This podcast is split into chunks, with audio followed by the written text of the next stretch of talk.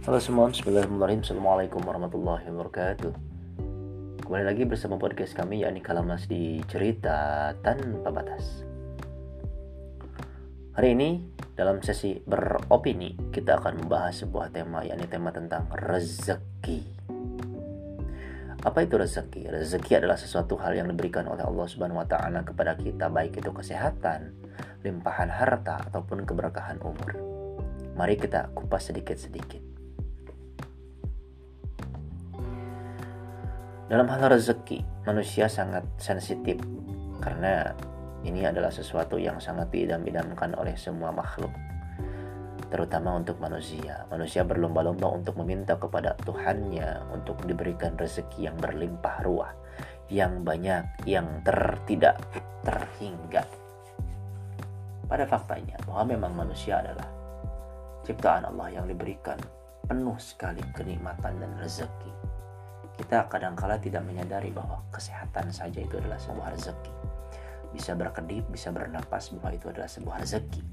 Bisa melihat bahwa itu sebuah rezeki. Bisa melangkahkan kaki ke dalam kebenaran. Bisa mengepalkan tangan ketika melawan kezaliman. Itu juga adalah sebuah hal rezeki yang Allah tumpahkan kepada kita. Namun hal-hal demikian sering sekali kita lupakan kita hanya berfokus pada rezeki adalah sesuatu yang harta, sesuatu yang bisa dimakan, sesuatu yang bisa dipakai, sesuatu yang terlihat wujudnya, terlihat bentuknya, terlihat fisiknya. Kemudian, dalam konsep rezeki juga yang patut kita ketahui bahwa rezeki adalah hak atau sesuatu yang memang mutlak Allah berikan kepada kita. Namun kadangkala kita tidak meyakini bahwa rezeki bukan dari Allah. Rezeki adalah dari teman kita, rezeki adalah dari ibu kita. Misalkan begini. Ada seseorang yang suka memberi kepada temannya, memberikan hal-hal seperti uang, seperti membantu dalam menuntaskan masalah, seperti e, mendorong dia dalam kebaikan dan lain-lain. Namun ternyata satu sisi si teman yang diberikan uang, diberikan nasihat dan lain-lain tersebut ternyata ketika dia sudah sukses, ketika dia sudah berhasil, dia tidak mendukung, dia tidak membantu temannya yang dulu membantu dia. Kemudian si pemberi tadi berkata, "Hanas, aku telah memberi dia." Apa ya bahasa Indonesia Hanas? Kecewa aku telah memberikan segalanya kepada dia. Ternyata dia tidak membantuku dalam hal seperti ini. Kadangkala konsep jumud seperti ini memang sudah mengakar pada diri manusia. Kita tidak yakin bahwa yang namanya rizki Allah yang berikan. Ketika seseorang kita beri kita harapkan bahwa dia memberi balik.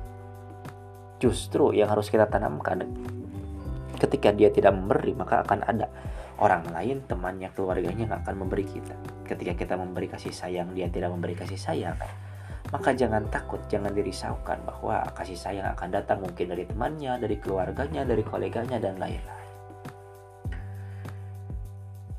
Ada sebuah kisah yang cukup menarik tentang kisah konsep rezeki ini.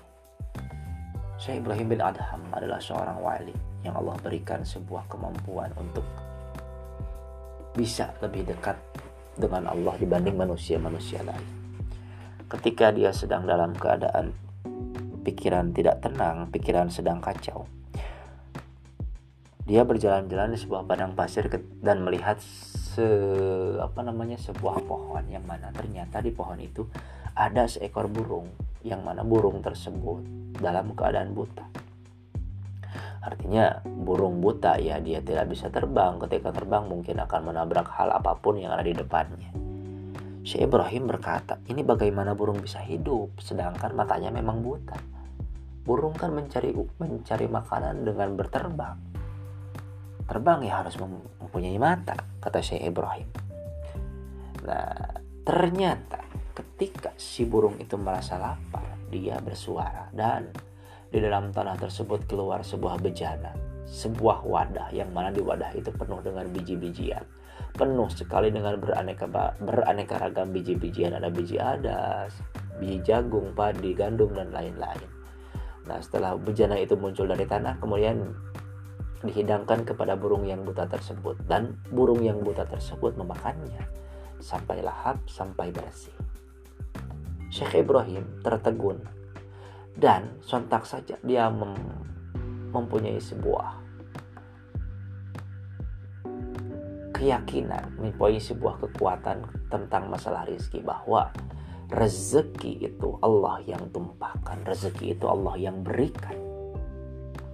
Jangan risau, jangan takut bahwa Allah pasti akan memberikan rizkinya kepada umatnya dengan jalan apa pun, dengan hal apa pun. Wamin tasib dengan jalan yang tidak disangka-sangka dan tidak diduga-duga.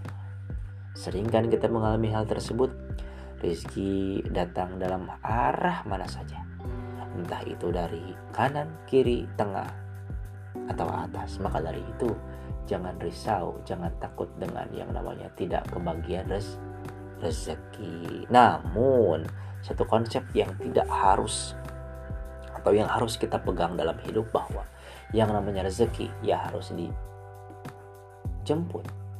Rezeki ya harus dicari. Kita tidak bisa hanya diam saja. Kita tidak bisa hanya dengan hmm, meminta atau mengepalkan atau mengangkat tangan saja. Rezeki harus dicari, rezeki ya harus kerja, rezeki ya harus berusaha. Nah, karena Islam adalah agama yang balancing, agama yang seimbang antara dunia dan akhirat. Kita tidak bisa mengesampingkan antara kedua belah pihak tersebut. Harus seimbang antara dunia dan akhirat. Terima kasih. Itu adalah konsep rezeki menurut saya. Assalamualaikum warahmatullahi wabarakatuh.